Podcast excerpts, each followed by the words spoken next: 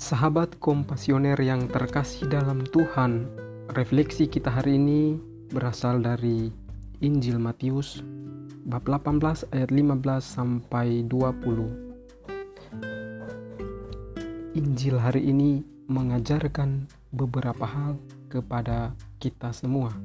Pertama, tentang seni mencintai atau mengasihi sesama saudara. Yesus mengajarkan kepada kita bagaimana berkomunikasi dalam kasih.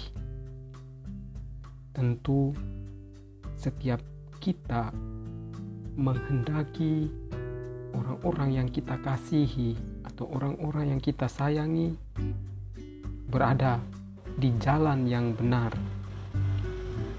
Kerap kali dalam kehidupan ini, orang dapat menyimpang dari jalan yang benar. Orang yang sungguh-sungguh mengasihi sesamanya, ia akan memenangkan orang-orang yang dikasihinya, yaitu membawanya kembali di jalan yang benar.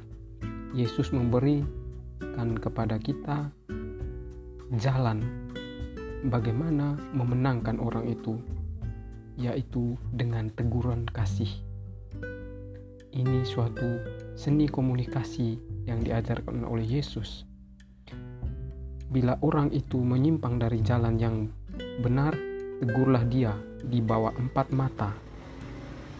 Bila dia tidak mendengarkannya, ajaklah seorang atau dua orang atau tiga orang saksi. Dan bila itu juga gagal, maka sampaikanlah kepada komunitas, kepada jemaat, kepada umat mengenai situasi keadaan orang yang dikasihi. Ini suatu seni menegur, seni mengasihi, dan teguran itu hendaknya didasarkan atas kasih persaudaraan, bukan karena aneka rasa manusiawi emosi, iri hati, dan seterusnya. Teguran kasih itu ialah teguran yang menghidupkan, yang mengembalikan orang pada jalan yang benar. Dan hari ini juga, selain teguran kasih, Yesus mengajarkan juga mengenai daya ikat daripada kata-kata.